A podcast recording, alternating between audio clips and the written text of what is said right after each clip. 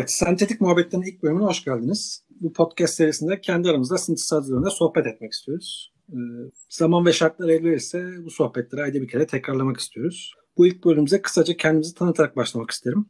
Teoman Bey. Tamam, ben başlayayım. Ben Teoman Patinoğlu, Ankara'da yaşıyorum. Ee, 50 yaşını geçmiş bir müzik sevdalısıyım. Ee, elektronik yüksek mühendisiyim, ODTÜ mezunuyum.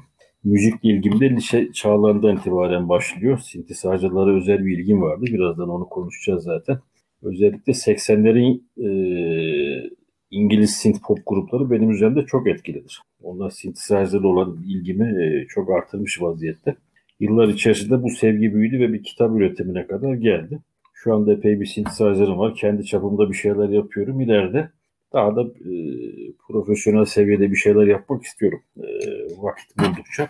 Şimdilik böyle. Biraz sonra konuştukça daha fazla zaten bizi dinleyenler de tanıyacaklardır. Teoman Bey'i daha iyi tanımak isteyenler e, Carayanlı Muski blogundaki ilk röportajlardan bir tanesi Teoman Bey ile birlikteydi. Evet oraya, doğru. Oraya doğru. göz atabilirler. Aha, doğru. Hem o güzel koleksiyonunuzu görmüş olurlar hem bu konuda Evet. düşüncelerinizi de okumuş olabilirler. Evet, yani. Mustafa Bey. Evet arkadaşlar iyi akşamlar. Öncelikle bu davet için çok teşekkürler. Ee, Teoman'ın izinden gideyim ben madem. Ee, yaşım 63. Öncelikle artık dinozorlar sınıfına girdik. Dolayısıyla e, bazı e, sözlerim yadırganırsa şimdiden affola. ben de elektronik mühendisiyim. Aslında 1970'ten bu yana elektroniğin içindeyim fiilen ARGE fazından imalata, satıcılık fazından servise e, hem hobim hem mesleğim. Ama e, en büyük hobim de yine 70'lerden başlayan elektronik müzik. E, hemen hemen elektronik müziğin e, doğuş ya da popüler olma zamanlarından bu yana fiilen takip ediyorum. Elimden geldiğince. E, zamanında e, bir e, hibrit synthesizer e, tasarladım. Zaman 1978 ve öncesiydi. Sonradan baktım ki buklalar vesaire neredeyse benzeri şeyleri yapmışız ama Türkiye'de yaşamanın kadersizliği. Ben hiçbirinden haberdar olmadan Amerika'yı yeniden keşfetmişim. Keşfetmeye çalışmışım ya da. Ve bugünlere geldik. Bugünlerde de işte böyle sizlerle keyifli sohbetleri, paylaşımları yapmak beni mutlu kılıyor. Şimdilik bu kadar. Ee, yayın içinde herhalde bazı teferruatları paylaşırız. Peki çok teşekkürler. Ee, ben de kendimi kısaca tanıtayım. Benim ismim Urcun Bolkan. Hmm, Ben de sizler gibi synthesizer meraklısıyım. Ben kendi adıma öyle bir tanımlama getirdim. Ee, 46 yaşındayım. Bilgi işlem sektöründe çalışıyorum. Şu anda yurt dışında yaşıyorum. Yaklaşık 19 senedir. Ama Türkiye'den kopmuş değilim gördüğünüz gibi. Ee, hala bir şekilde o bağlantımı sürdürmeyi ve bir şekilde yeni ilişkiler kurmayı özellikle bu synthesizer konusunda kendime düstur edindim öyle diyelim. Ee, bir süredir bu fikri konuşuyorduk sizlerle de bu sentetik muhabbetleri yapalım diye. Daha doğrusu synthesizer üzerine bir podcast yapalım diye. İşte Mustafa Bey'in fikri sayesinde bu ismini bulduk sentetik muhabbetler diye. Hmm, sağ olsun Teoman Bey de bu işe katılmaya karar verdi. Böyle ufak ufak sohbetler yapmak istiyoruz. Ben şimdi buradan konuyu e, madem synthesizer'lardan konuşuyoruz bu son birkaç gündür gayet güncel olan bir konuya getirmek istiyorum. Biliyorsunuz bu Amerika'da gerçekleşen dünyanın en büyük müzik fuarı, Kış Nam fuarı gerçekleşiyor son 2-3 gündür. Ee, bu seneki tabii 2021 hali biraz farklı çünkü bu pandemi dolayısıyla kimse seyahat edemiyor. Fiziksel buluşmalar mümkün değil. O yüzden de bu sene online olarak gerçekleştiriyorlar ama büyük firmalar yine e, gayet bomba haberlerle geliyorlar. Yani bu senede son birkaç gündür duyduğumuz kadarıyla işte Korg'un gayet büyük duyuruları oldu. Aynı şekilde Sequential'ın büyük duyuruları oldu. Behringer keza biliyorsunuz zaten synthesizer dünyasını alt üst ediyor bu yaptığı klonlarla. Ee, onların birkaç duyurusu oldu. Ee, siz de uygun görseniz biraz bu konularda sohbet etmek istiyorum. Hı hı, tabii. Ee, Beni şaşırtan bir duyuru var. Hammond. Eski Pro Organ. Bu konuyu da ele alalım derim. güzel onunla da başlayabiliriz istiyorsanız. Ben o, o kısmını duymamıştım. Pek orklarla çok yakın ilişkim yok ama e, yeni bir model mi çıkardılar? Ee, evet aslında e, gearnews.com sitesinde e, bununla ilgili bir takım bilgiler var. aslında Hammond SK Pro Organ Synth Assemble and Stage Piano olarak geçiyor. Yani e, herhalde Nord'un falan birazcık e, pabucunu dama atacağı benzer. Bu herhalde org daha çok sahnede kullanılmak üzere herhalde dizayn edilmiş bir model mi? Doğru mu? Doğrudur, doğrudur, doğrudur. Ee, aslında tek e, 63 tuşlu keyboard'a sahip güzel bir dokunmatik ekranı var. Register'ları klasik Hammond benzeri ama e, birden fazla e, şeyi aynı anda çalabilecek niteliğe sahip. E, sanırım web sitesinden biraz daha detaya girilebilir. İlginç bir. Siz duymuş muydunuz Teoman Yok Bey? ben de duymadım onu atlamışım ben. ben de atlamışım. O, o, o, o kadar çok duyuru oluyor E, ki. tabii tabii. Takip etmemiz çok zor hepsini aynı anda. Aynen öyle evet. Aynen öyle. Yani beni bu sene heyecanlandıran da Korg'un duyuruları oldu. Geçen sene biliyorsunuz Korg e, sürpriz bir şekilde yani synthesizer dünyasının en önemli modellerinden bir tanesi olan ARP 2600'ü Hı hı. biliyorsunuz e, birebir ölçüleriyle ve aynı Evet. dizaynıyla piyasaya sürmüştü. Bu sene yine yeni bir sürpriz de geldi. Bu sefer de kendi geçmişlerine döndüler ve Evet. e, ilk çıkardıkları analog synthesizer yani mini Korg, Hı hı. e, sorry, micro Korg e, 700S modelini çıkardılar. Evet. Aslında sadık kalarak. Evet aynen. O ilginç bir haberdi benim için. Evet. Siz tanıyor musunuz 700S Şey modelini? düzeltme yapayım. Mini Korg. Ee, Mini Korg Pardon olmaz. özür dilerim. Mikro Korg e, 2010'larda çıkan böyle Doğru. mini tuşlu bir dijital virtual analog olan. Bu Mini Korg asıl adı. Mini Korg 700S diye geçiyor. Önce bir Mini Korg 700 modeli var. Tek osilatörlü. Ondan bir süre sonra çift osilatörlü 700S'ini çıkartmışlar. Şu an Korg'un duyurduğu da 700S'inin full scale yani tam birebir e, fiziksel e, şeyli benzerini yapmışlar. Hatta tanıtımı da Kitaro'yla, meşhur Kitaro'yla yapmışlar. Onun da 3,5 küsur dakikalık bir şeysi var. Ee, bir röportajları var. Duyduğum kadarıyla otantik bir alet. Yani çok fazla henüz YouTube'a düşen videoları yok ama gayet başarılı bir klon gibi görünüyor. Reissue diyelim daha doğrusu. Reissue diyelim. Evet. Ben- de söz ettiğiniz o Kitaro'nun e, röportajını izledim. Hı hı. 3,5 dakikalık. Evet. E, e, yani hepimizin özellikle Türkiye'deki hemen hemen herkesin bildiği İpek yolunun Tabii çok meşhurdur. sadece sadece bu Evet evet. Evet, yapmış. evet, evet. O meşhur flüt sesi Evet o kare, kare dalga sesi onu çok şey Evet. e, kulağımda halen durur yani o ses. Ee, Ama kendisi de gayet bu yeni çıkan modelin özellikle bir takım yenilikler gelmiş üzerine. Çünkü en önemlisi mesela Evet. patch patch, mem patch memory var. koymuşlar. Evet, patch var, Evet, ondan sonracıma.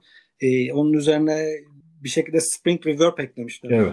Korka RP 600'de kullandıkları gibi. Midi, midi var mı onu göremedim ben. Çok bahsetmiyorum. Var. İllaki vardı orada muhtemelen. He- he- hem MIDI hem CV Ha koymuşlar. iyi o zaman. Ee, o, onun haricinde bir tane joystick eklemişler. Daha önce orijinalinde böyle bir şey yoktu tabii Evet, ki. Ben bu Korg 700'ü şuradan hatırlarım. Belki e, siz de hatırlarsınız. Heyecanlı diye bir parça vardı. Hı hı. Galip Boransu bu aleti kullanırdı ve onun sesi hala kulaklarımdadır. Bu arada Dinozor olmak böyle bu- bir şey işte. burada Mustafa bir şey Barış Manço da kullanmıştır. Yani Kurtalan Express'te de mini kort şeyleri var. Ee, listesinde yer alıyor. Biz daha çok Barış Manço string makineleriyle işte ARP 12 ile şeyle e, falan tanırken e, yani o dönem şeylerini e, mini kort 700'esi de kullandığını biliyorum. Listesinde var. Gör, gördüm bir yerlerde. İki, 2023'ü zaten bu e, şeyle. Korg'la e, Evet, çaldı. evet, giriş bilinen giriş kısmını Doğru, bununla evet, çalmıştı. aynen. Hatta e, konser salonlarında daha doğrusu konser salonu demeyelim de spor salonlarında konser oluyordu ve parçanın girişi öncesi herkesi güzelce bir azar, azarlıyordu. Susun sadece sadece beni dinleyin Evet. şeklinde önce azar sonra dinletiyordu. Ben onu hiç unutmam.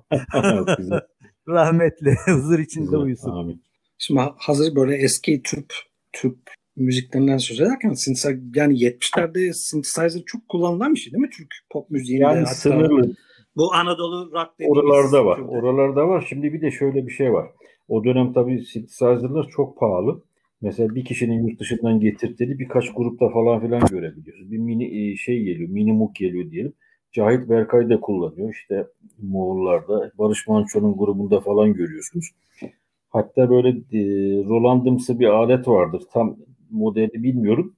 Erdem Alkın'dan tutun birçok sanatçıya kadar aynı alet, aynı preseti duyarsınız. Böyle değişik sanatçılar arasında dolanan bir şey. Sınırlıydı sayı olarak ama tabii özellikle Barış Manço döneminde çok kullanıldı Türk, Türk pop müziğinde. Tabii 85'ten sonra biraz daha ucuzlayıp dijitalde devreye girince işte rahmetli Onur Tunç'un çalışmaları, e, ondan daha önce Rıza Silahlı Poda'nın şeyleri falan filan tabii daha da arttı. Türkiye'de arttı ama hiçbir zaman batı seviyesine gelmedi. O, onu rahatlıkla söyleyebilirim. Benim böyle bir gözümde imaj var. Barış Manço'nun dönence evet. klibi var. TRT'de yayınlanan siyah, siyah beyaz böyle. E, o, o, hepsi sahnede ve önleri bir sürü synthesizer dolu. Hepsinin Tabii. modelini tam olarak bilemiyorum yani. Çünkü o girişindeki basın Minimoog, Minimoog var. E, bu EMS var bir tane. Bir de bir string makinesi var. O da tahmin ediyorum şey gene Solina Strings olsa gerek. Solina Strings. Bu arada Behringer de bundan bir sene önce kadar falan bu Solina String'i yaptı, tek... yaptı ama daha şey olmadı. Piyasa yani evet. o 3D modellerini görmüştük biliyorsunuz. Onlar çok seviyorlar böyle bir anda resimleri ortaya çıkarıp arkasından neredeyse iki sene hiçbir evet, şey evet. çıkarmamayı. Doğru. Ama o ilginç bir makine olacak. Bu arada geçen 2021'de olacaktır diye tahmin ediyorum. Yani yaz aylarına kadar onlar herhalde ederler. Yani o, o, o tür makineler benim çok ilgimi çekiyor açıkçası. Doğru, doğru, doğru. Yani ee, o şimdi onlarda şey var. Divide down teknolojisi dediğimiz bir teknik var. Tek bir osilatör kullanıyor. Onu bir yöntemle e, farklı farklı frekanslara çeviriyor ve full polifonu elde ediliyor. Normal bir synthesizer'ın string tonlarından çok farklı daha organik bir şey veriyor. Ton veriyor. E, dolayısıyla daha otantik. Gerçek string'e çok benzemese de daha böyle İngilizce tabirle distinguishable, recognizable bir şey var. Bir karakteri var onun. Ve daha da melankolik olur o alette synthesizer'lara göre.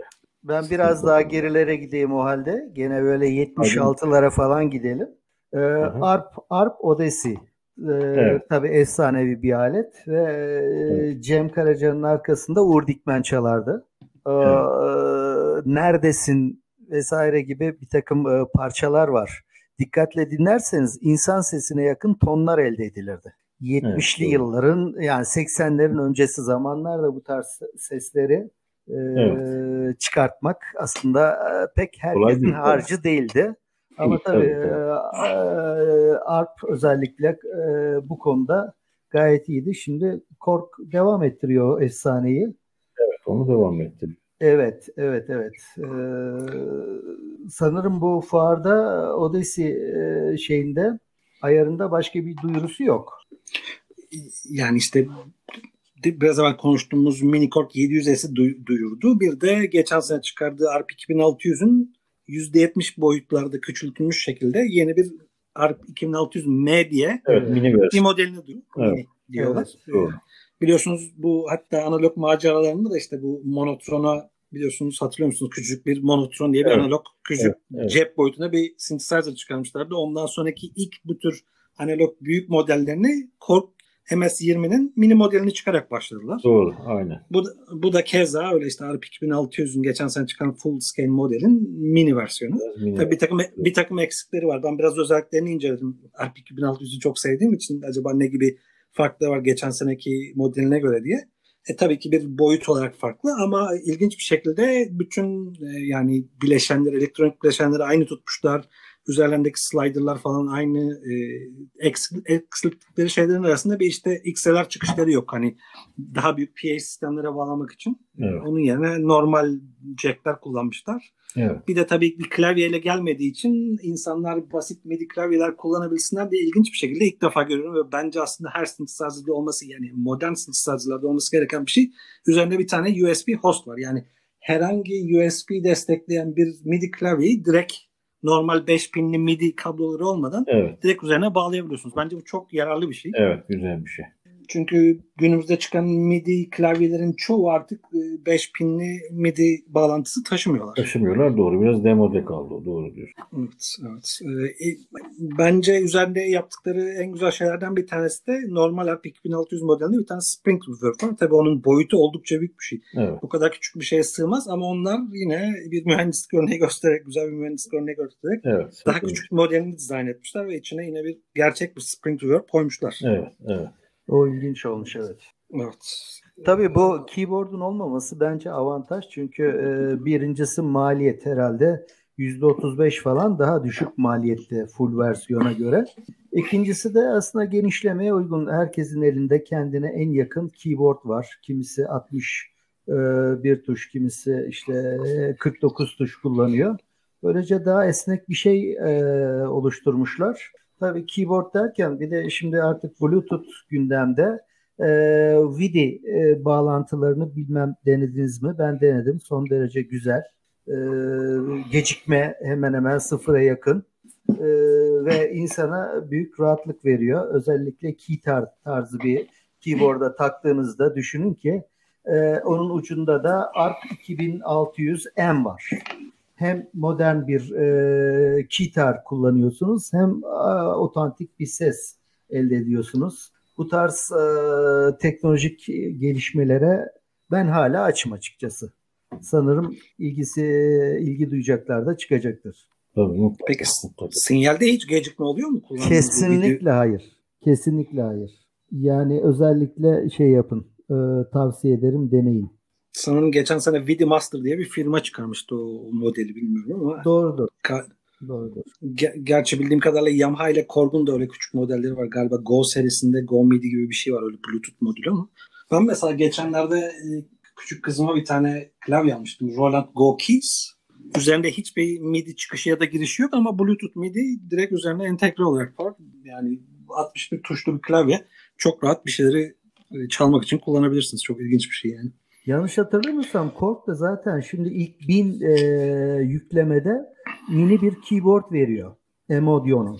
Evet bu ARP 2600M'nin ilk bin siparişiyle birlikte yok. Kendilerine ait bir klavye var. Öyle mi? Yine Go serisine MIDI klavye onu veriyor. Evet, evet, evet. Gayet mantıklı. Ben bu modelin de böyle say yani sınırlı sayıda üretileceğini düşünmüştüm ama geçen gün Korg'un orijinal e, tanıtım yayınını izledim NAM dahilinde. Çünkü ondan yayın yapıyorlar. iki akşam önceydi. Orada anlattıklarına göre yok bu sayılı olmayacakmış. Yani Bu normal sayı seri olacak çünkü Behringer'in versiyonuyla rekabet edecek. Evet. Boyut olarak da benziyor zaten. Evet. Boyut olarak bayağı benziyor. Evet. Gerçi ben siz Behringer'in RP 2600'ünü gördünüz mü? Çünkü onun biraz layout'u değişik. Onun değişik. Orijinaline göre. Şimdi Behringer'in biraz imajında tabii yıllardan gelen bir sıkıntı var ama şeyleri, ürünleri son dönemde gayet kaliteli. Yani özellikle hazırlı. Ee, yine ileride konuşuruz. Bende DeepMind 12'si var. Yani müthiş bir alet. Ee, belki şu Model D'sinden Pro One'ından da alabilirim ileride monofonik versiyonlarda. Dolayısıyla RP 2600 de çok sonik olarak iyi olacağını tahmin ediyorum. Yani videolarına çok detaylı bakmadım ama yaptılar mı çok iyi yapıyorlar. Bu arada bilmiyorum yani kaçırdınız mı onu ama e, Behringer de yine ARP 2600'ün iki yeni modelini daha duyurdu. Geçen sene Evet. çıkardığım üzerine. Blue Marvin bir renk modeli. Bir tane daha var galiba. Gri. Evet. Ama e, üzerlerinde değişikliğe gitmişler teknik olarak da yani bir e, yine elektronik bileşenlerini daha kaliteli Evet, hale evet. getirmişler. Evet. Nasıl olduğunu bilmiyorum. E, herkesin şikayet ettiği genel bir şey vardı. Çünkü bir Noel çam ağacına benziyordu biliyorsunuz. Doğru. Bütün slider'ların üzerinde Evet. renk renk ledler vardı. Onları tek renge çevirmişler ve en azından Evet, e, evet. parlaklığını ay- Doğru. ayarlayabilir hale Doğru. getirmişler. Doğru. İlginç. Doğru. Evet. Behringer'in herhalde VCS 3 prototipinde duymuşsunuz. Tabii o da o da duyuruldu geçenlerde. Mesela Evet, o beni yeni- heyecanlandırdı. Evet, o tam Jean-Michel Jarre'ın Oksijen albümündeki şey. Kemal'cim biliyorsun benim benim neden hoşlandığımı. Biliyorum, biliyorum tabii. biliyorum. Onun alacağını tahmin ediyorum Mustafa abi ondan bir. Heyecanlandım gerçekten. A- aranızda daha önce bu modeli kullanan var mı? Yok o çok pahalı bir şey. Şu anda Türkiye'de de ancak Şükrü Demirak'ta vardır.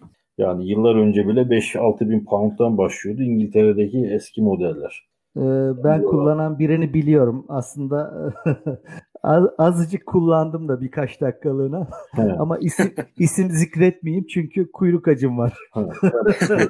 Teoman anlamıştır. anladım. anladım. Şimdi bu Ee, var. Buradan muhabbeti biraz da şuna getireyim arkadaşlar. Şimdi sürekli analog aletler, synthesizer'lar anons ediliyor ya. Bu aslında son 10 yılda daha çok soft synth'lere adapte olmuş jenerasyonu bir yeni bir kapı açıyor. Dikkat ederseniz bir geriye dönüş var. Nem show'larda falan filan da artık software'den daha ziyade reissue'lar veya klonlar daha fazla heyecan yaratıyor. Demek o şey ölmemiş. Ee, yani o eski analoğa olan o hands-on pratik yani elinizi bizzat fiziksel olarak onunla temas ettirme tecrübesi ölmemiş o. Bilgisayar demek ki bunu çok fazla da veremiyor insanlara. Buradan ben böyle bir netice çıkarıyorum şahsen. Siz ne dersiniz? Benim, benim çıkarttığım netice biraz plak endüstrisiyle de e, örtüşüyor. Evet. İnsanların tatminsizliği söz konusu. O var tabii. Elinde olanlarla hiçbir zaman yetinmiyor. Tabii. Ee, yeni bir şey de her zaman bulmak e, Evet. yani icat etmek Evet, zor. evet. O zaman geriye doğru bir dönme e, yani e, söz konusu. Ama tabii şunu söyleyeyim Mustafa abi. Ee, Evet. Gerçek analogla onun mesela software emülasyon şey arasında çok ciddi bir fark var. Mesela firma ismi zikretmeyeyim ama 2005-2006'larda e, Legend Returns diye bir şeyli böyle kutulu bir Propet 5 emülasyonu almıştık. İnanır mısınız bugün o kadar sesi o kadar plastik geliyor ki bana. Ondan yıllar sonra ben e, Propet 5 Rev 3.2 kendisinden aldım. Yani analog emülasyon öyle pek de kolay olmadığını gördüm. Şimdi dolayısıyla bu geçişte biraz onun da etkisi var. Yani yeni jenerasyonda 80'lerin 70'lerin aletini tam bilmediği için emülasyonları idare edebiliyor. Yani çok pratik, çok ucuz. O yönleri elbette var. Ama gerçeğiyle mukayese ettiğiniz zaman e, hak vermemekte elde değil insanlara. Ben bunu bizzat yaşadım. Propet 5'te Hatta- yaşadım. İşte modern analoglarda da yaşadım. Andromeda'da şunu. Yani software mümkün değil. Ha iş görür mü? Elbette. Rol, Roland bu konuda biliyorsunuz yani onlar Evet. ısrarla herkes dediğiniz gibi eski modellerini tekrar analog olarak çıkarırken Roland ısrarla çok mesela hani bir sürü insan işte Juno Doğru. 106 şeyi e, yani Jupiter serisini geri istiyor 106'yı 60 istiyor ama bir türlü onlar hiçbir şekilde analog üretmiyorlar. Israrla dediğiniz gibi işte e, başka simülasyonlar üzerine işte ACB gibi teknolojileri var. Bilmiyorum yani ondan sonra kendi geliştirdikleri, kendi Arthur- patentledikleri. Siz nasıl görüyorsunuz? benim Siz nasıl görüyorsunuz? şeyim var, tespitim var. Şimdi 1980'li yıllarda Roland analoglarda açık ara öndeydi. Yamaha zaten 80'lerde CS80'le falan bırakıp DX7 ile yeni bir döneme geçmişti. Roland'ın arkasından Korg geliyordu. Korg M1'den sonra 3 büyük Japon arasında competition'ı Korg kazanmaya başladı. Roland en geriye düştü benim kişisel tahminim. Şimdi Minilog çıkarttı biliyorsunuz. Prolog çıkarttı. Şimdi bu reissue'lar geldi Korg tarafından. E, onu da geçtik. İşte DW8000'in softunu çıkarttılar. İşte Yamaha'dan lisansladılar. DX7 Opsix'i yaptılar. Wave Station'ı Wave State yaptılar. Korg aldı gitti koptu. Şimdi Roland pek rekabet edemiyor bu anlamda Korg'la. E, yani biraz virtual analog bandında gitmeye çalışıyorlar. Fiziksel olarak Jupiter 8'e benzeyen Jupiter X diye bir şey yaptılar. E, içerisine bir sürü şey koydular. Eski analogların modellerini. Yani %85-90 yakın ama tabii ki püristler için, bizim gibi püristler için çok tatmin edici değil. O gün sizle de konuştuk. Ee, mesela Juno 0 106 A'sı var. Ee, A'sı onların ACB teknolojisi biraz daha e, processing power istediği için o butiklerde biraz daha şey yakın.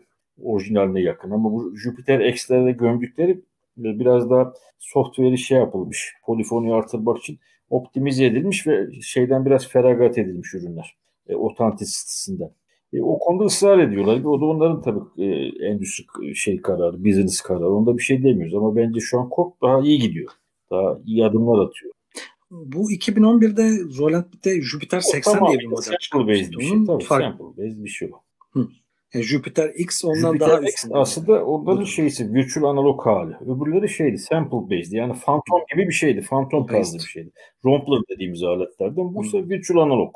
Ee, biraz daha tabii şey emül ettiği şeylere biraz daha yakın. Ama gene de bizi çok tatmin eder mi? Çok etmeyebilir ama o küçük butikler güzel. Mesela Ju06 A'sını ben beğeniyorum hakikaten. Geçmişte 106'm da vardı. 106'nın neye benzediğini de çok iyi bilir.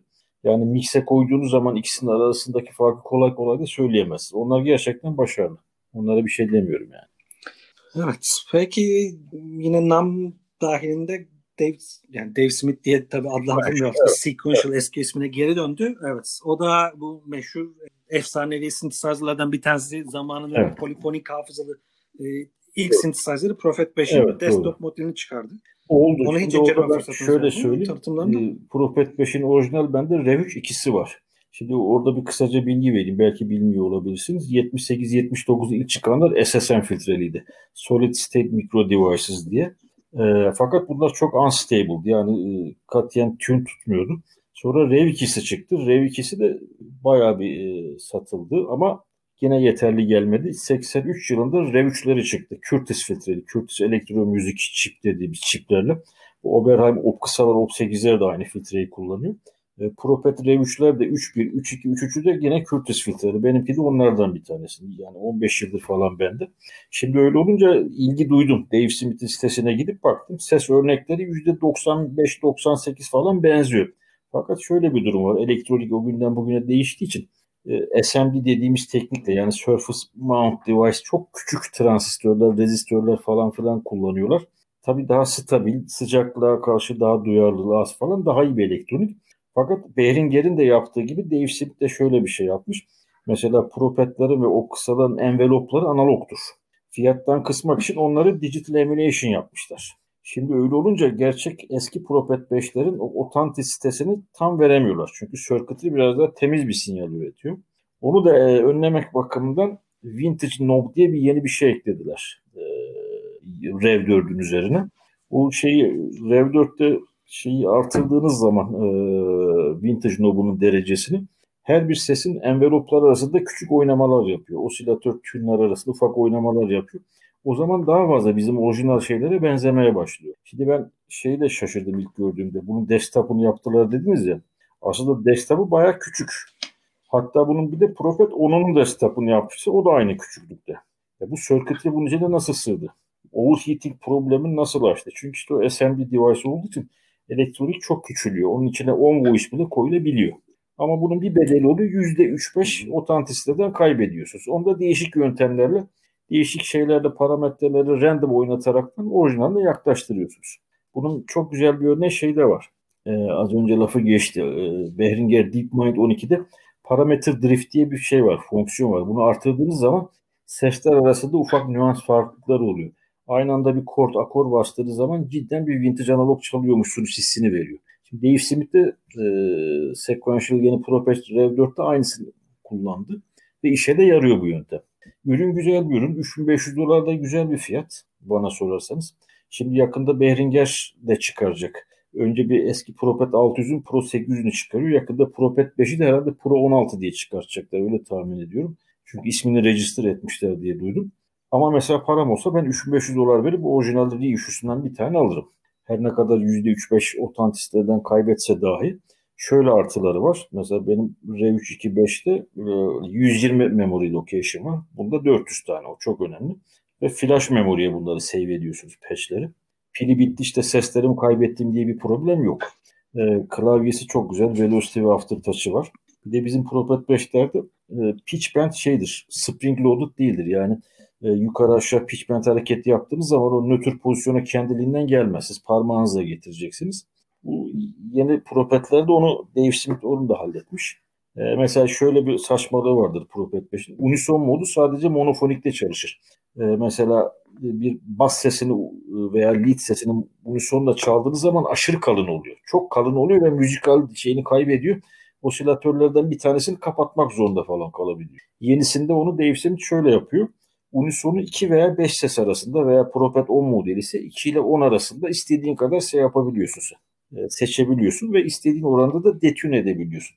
Yani özetle bu günümüzün şartlarına göre çok güzel e, optimize edilmiş bir alet. Yeni Propet Rev Desktop'u tabii daha değil. Fiyat olarak ne oldu bilmiyorum. Herhalde 2500 dolar civarıdır. Yani Sweetwater'a falan daha düşmedi galiba. Görmedim henüz fiyatını.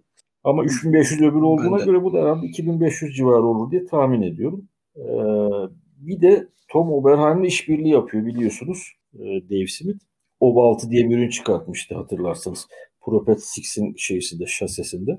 Ee, şimdi ondan hareketle şeyde Tom Oberheim de 84 yaşına gelmiş bir amcamız.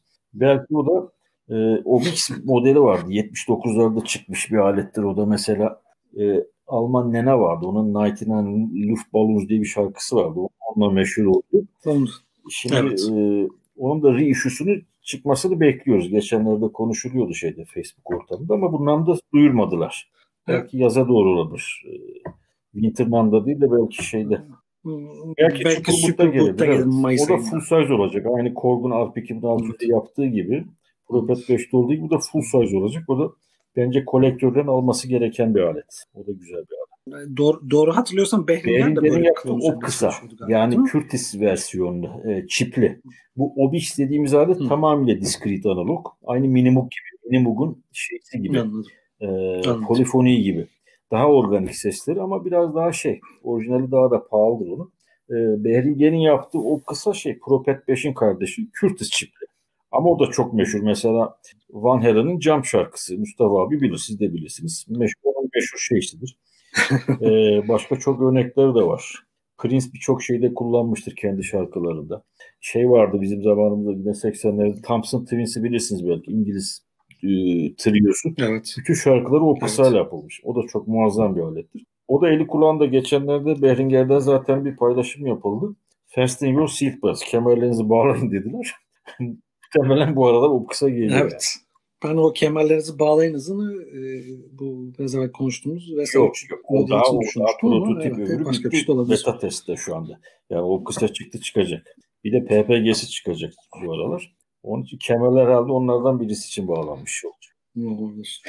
Bu arada biraz evvel bir ter, terminoloji kullandınız. Discrete diye. Belki dinleyenler arasında ne olabilir, bilmeyenler olabilir. Biraz discrete komponent dediğimiz elektronik şeyler böyle koca koca pirinç büyüklüğünde transistörler, dirençler, işte kapasitörler bunlardan oluşan aletler. 70'lerde bunlar olduğu için minimuklar mesela ARP'lar bu sizin de aldığınız ARP 2600 diskret elektronikle yapılmış. Ama 80'lerde bu çip e, entegre devre teknolojisi gelişince e, maliyetleri düşürmek, fiziksel boyuta ufaltmak için şeylere geldiler. Çiplere dönüştürdüler. Mesela bunun bir örneği Oberheim'in meşhur Matrix serisi vardır. Matrix 6.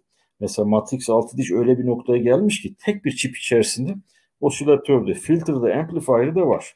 Öyle olunca mesela 6 voice bir aleti minnacık bir uğurluk bir reke kadar sığdırabiliyorsunuz. Ama bunu aşamalı olarak geliyor. Mesela minimum e, çok büyük işte şeyine göre ARP 2600 büyük. Ondan sonra Obix Discrete gittikçe küçüle küçüle böyle belli seviyelerde e, zaman içerisinde hatta envelopları da dijitalleşince onlar da çipe falan dönüştü. Gittikçe daha ucuz, daha pratik aletler haline gelmeye başladı. Yani diskrit analogdan anlamamız gereken bu. Evet, bu 80'lerde hemen hemen birçok synthesizer'ın içinde kullanılan Curtis çipleri bu 3310, 3340, 3360 hep bu söylediğiniz tabii, şeyler aslında discrete olmayan çiplerden. Yani bu söylediğiniz e, yapı elemanları mesela şey, şekilde çipe e, az önce bahse konu olan Propet 5 R3 2'nin osilatörleri 3340. Onun içinde her türlü osilatöre yönelik şeyler var. Ondan sonra filtre geliyor. Filtresi 3320. 33-20'nin içinde de low pass, high pass, band pass her türlü şeyler var. Onun bacaklarından sadece low pass'i kullanmış Dave Smith Propet 5'te. Mesela Tom Oberheim o kısa yaparken iki tane 33-20 yan yana koymuş farklı mantıkla kullanmış. Ama bunu mesela e, ilk OBX modelinde olduğu gibi yapsaydı çok devasa büyük bir şey çıkardı ve bu çok pahalı olurdu. Pratik olmazdı, güvenilir olmazdı. E, ondan sonra da yavaş yavaş o Curtis çiplerinde jenerasyonlar var. Mesela Matrix 12 vardı çok meşhur bir alet. O mesela 3372 kodlu. Şimdi bir de şöyle bir durum var. Elektronik geliştikçe e, bunların bu çiplerin şeyleri teknik spesifikasyonları iyileşiyor. Yani gürültü tabanı falan azalıyor ama ses karakterinden bir şey kaybediyor. Onun için mesela bir Propet 5 e, meraklılar arasında bir Propet 600'den daha fazla tutulur, sevilir. Çünkü ne kadar e, ilkel bir çipse sesi o kadar organiktir. Mesela Propet 5'in REV 2'si de R3'ten daha fazla şey tutulur. Ee, mesela şeyin girişinde vardır o ses bir örnek. Rubili diye bir şarkı vardır. Joe Cooker'ın. Girişinde çok güzel bir Propet 5 Rev 2 şeyi vardır, sesi vardır. Rev 2'den Rev 3'e Rev 4'e doğru gittikçe şey oluyor. Biraz daha sterilleşiyor. Bugünün mesela Dave Smith'in Rev 2'leri işte Propet 12'lerine falan baktığın zaman 80'lerin Rev 3'lerinden tabii ki farklı. Daha steril sesler veriyorlar öyle bir çıkarımda da bulunabiliriz. Ama günümüzde insanlar pek cilalı sesleri değil de eski daha tabii, aynen, düşük kalite sesleri seviyorlar galiba. Evet, evet. Mustafa Bey müzik yapıyor galiba. Evet, bu arada valla Teoman, Teoman'ın bu anlattıklarını duyunca benim dilim tutuldu. Gerçekten keyifle dinliyorum ve dinlemeyi tercih ediyorum. Şimdi bu arada tabii şunu da ekleyeyim ben e, analoglar da modernleştikçe daha steril, daha böyle predictable hale geliyor dedik ya. Ama madem müzisyenler de analogun biraz kirli böyle raw, kaba sesleri tercih ediyorlar. Bunlar işte sentetik olarak üretiyorlar. Ne üretiyorlar? Osilatörleri yapay driftler veriyorlar. Aynı discrete minimum VCO'su gibi. İşte hmm. DeepMind örneğinde verdiğim gibi parametreler drift ediyorlar. Bir tane envelope'un atağı kısayken öbürününki aynı anda uzun oluyor bir akor bastığınızda falan. Bu hissiyat hemen hemen vermeye çalışıyorlar ve başarılı da oluyorlar. Mesela birkaç gündür benim bir de Dave Smith Polyvolver diye bir cihazım var. O da hibrit bir analog. Onda bir şey var, distorsiyon kısmı var. Mesela sesi çok steril. Ama ufak bir derece distorsiyon verdiğiniz zaman bir Matrix 6 gibi 80'lere dönüyor alet resmen. Demek ki o yıllarda o aletlerin analogların içinde doğal bir distorsiyon varmış aslında. Belki biz bunu seviyoruz. Mesela elektro gitarcıları çok iyi bilirler. Distorsiyon pedalı diye bir şey var değil mi? Şimdi o pedaldan geçmediği zaman o ses şey olmuyor.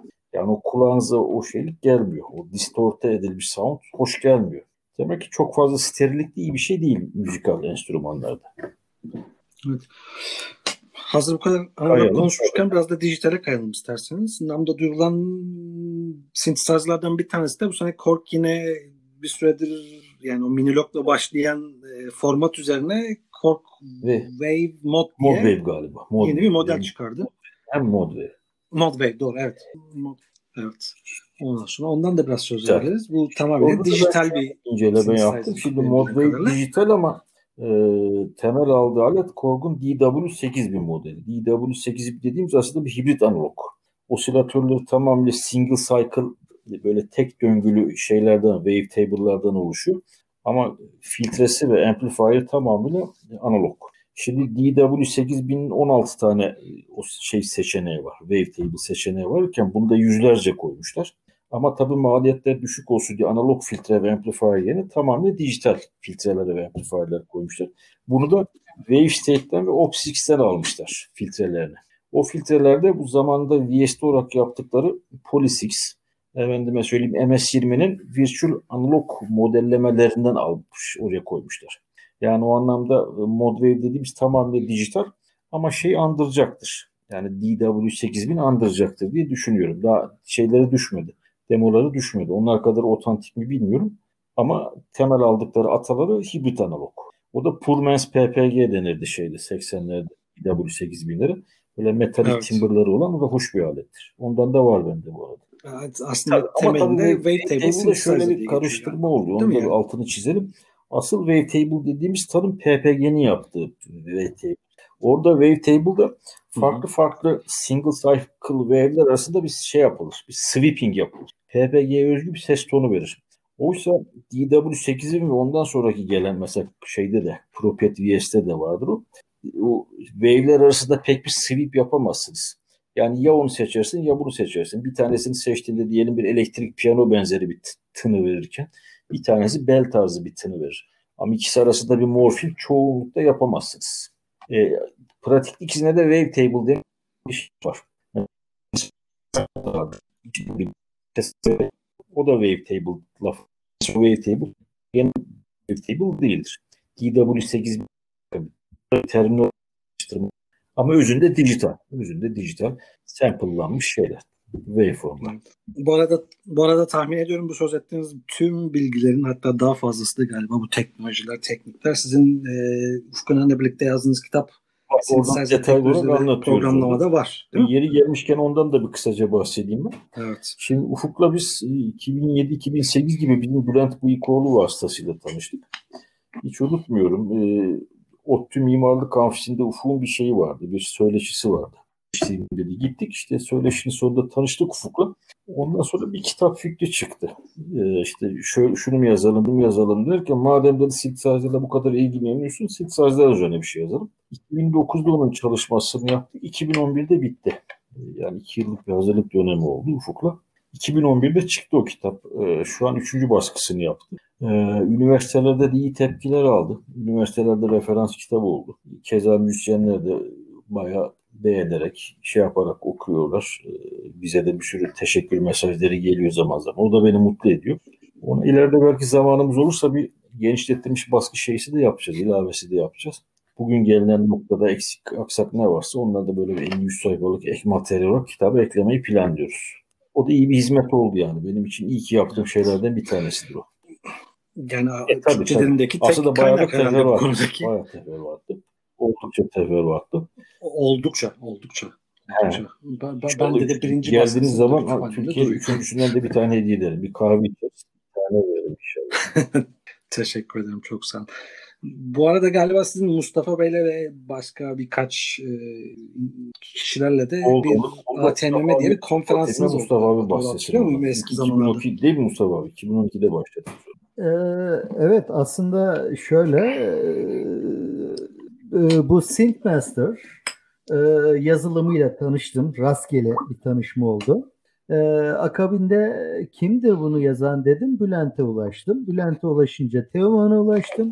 Daha sonra tabii ki e, kitap vasıtasıyla Ufuk'a ulaştık ve başladık yemek yemeye. Ama yemek yerken kimsenin e, çenesi durmuyor ki herkes bir şeyler söylüyor. Arkadaşlar dedim ya bu kadar anlatacak, bu kadar dolu dolu söyleyecek lafımız varsa niye bu lafları daha geniş bir e, platformda söylemiyoruz falan derken sağ olsun özellikle Ufuk bu konuda e, bir öne yak oldu. E, Bilkent e, İletişim Fakültesi dekanıyla konuştu vesaire. Sonunda orada bir konferans toplamaya karar verdik ama e, çoğumuz bu konuda hemen hemen deneyimsizdik. E, işi iş içinde öğrendik. Sağ olsunlar çeşitli kuruluşlar bize ciddi anlamda destek verdi ve önemli e, müzik adamlarını daha doğrusu ses teknolojileri üzerine çalışan kişileri konferansımıza davet ettik. E, geldiler, tecrübelerini, fikirlerini bizlerle paylaştılar. Mesela bir Bob Owsinski vardı ki Frank Zappa'nın kayıtlarından tutun da yani pek çok konuda e, kendini e, fazlasıyla e, duyurmuş, blog olan bir kişi. Onun e, uygulamalı e, derslerini hala unutamam. Güzel bir şey oldu. E, ilk sene 300'e yakın katılımcı varken ikinci sene 850'ye varan bir katılımcı oluştu ki bu özellikle Türkiye için müthiş. Çünkü türünün ilk ve tek örneğiydi. Ee, buna rağmen müthiş bir başarı yakaladık. Tabii ki biz çekirdek kadro e, yanında bizim herhalde bir 3-4 misli daha kalabalık ikinci bir kadromuz oluştu. Gönüllü arkadaşlardan oluşan. Canla başla çalıştılar. Ee, iki ayrı amfide e, paralel e, konferanslar oldu. Bu arada e, çok büyük bir salonda e, işte e, Türkiye'de bu konunun üstadı olan firmalar geldiler. E, workshoplar yaptılar. Geldiler cihazlarını tanıttılar. E, Avustralya'dan bilgi e, bildiri sunan geldi. İspanya'dan bildiri sunan geldi. Tam bir uluslararası konferans e, niteliğine kavuştu. Ee, anlatması tabii daha çok sürer ama en güzeli ilgilenenler için ATMM conference.org e, sitesi ki muhtemelen e, ulaşabilirler. E, orada tüm bildirileri görebilirler. Müthiş bir kaynakça var. E, pek çok videolar, pek çok fotoğraflar var. Tahminim e, özellikle ses teknolojileri, e, multimedya teknolojileri üzerine e, uğraşıda bulunan arkadaşlarımız bu siteden de epey istifade edeceklerdir. Keyifliydi ama yorulduk. Dolayısıyla bir üçleme oldu bu. Üç sene üst üste. Sonra pes ettik. Evet. Keşke evet. gönül isterdi ki pes etmeseydik. Evet. Gönül isterdi ki o güzel başarı zinciri devam etseydi. Ya, tabii katılım ee, azalmıştı özellikle son yılda Mustafa abi. Onu da söylemek lazım. Özellikle destekler azaldı. Evet, e, tabii her şey ekonomiyle ilintili. E, ekonomideki e, düşüşler direkt bizi etkiledi. Sadece bizi değil, e, bize sponsor olacak tabii. firmaları etkiledi Doğru. falan. Bu zincir e, hızlı bir şekilde çöktü. Öyle olunca da işte biz böyle yine e, kadro dağılmadı çok şükür. Hepimiz fırsat buldukça bir araya geliyoruz. Çeşitli şekillerde iletişim içinde bilgilerimizi, fikirlerimizi paylaşıyoruz. Ee, keyifli, keyifli. Belki Evet. Yıldız Savaşları'na Yıldız Savaşları nasıl sonradan bir ilk bir ilk üçlemeyle daha dönmüşse Şimdi o belki gelenek zaten biraz- öyle de- Ee, Spielberg bekliyoruz. Belki şey Bahçeşehir Üniversitesi bizden sonra bir süre devam etti diye biliyorum benzer bir formatta ama sonra ne yaptılar onlar da bilmiyorum açıkçası. Devamı geldi mi bilmiyorum. Var, var. İTÜ'nün da- galiba onların da bir var. elektronik müzik günleri diye bir şey Evet, var. evet, Benim evet. bildiğim. Yani belki Evet, formatı bizim bir şeydi. Tam Çünkü gökten puan alınan akademik bir şeydi yani. Yani teori de vardı, pratik de vardı. Öyle bir şeydi. bizim. Evet, evet, evet. Buyur. Umarım bu Buyur. pandemi günleri biter. İnsanlar tekrar seyahat edebilir hale gelir. Ee, Öyle olursa umarım belki Türkiye'de ileride yeni bir bu tür bir konferans, bir festival, bir, bir şey gerçekleştirebiliriz. Evet, neden olmasın? Evet, e, Evet. bence gayet güzel bir sohbet oldu bu ilk Evet, bölümümüz için. yaklaştık. Doğru. Zaman da bayağı geçmiş ben farkında değilim ama bayağı bayağıdır konuşup bir saate gelmişim. Evet, çok güzel bilgiler e, anlattınız. E, dinleyenleri bilgilendirdiniz Teoman Bey. Mustafa Bey siz de gayet güzel katkılarınız oldu. Geçmişe dair. İhtiyarların çenesi düşer ama ben bu sefer özellikle çenemi biraz sıkı tuttum. Çünkü Teoman'ın söyleyecek çok şey vardı ve ben çok istifade ettim. Özellikle teşekkür ediyorum.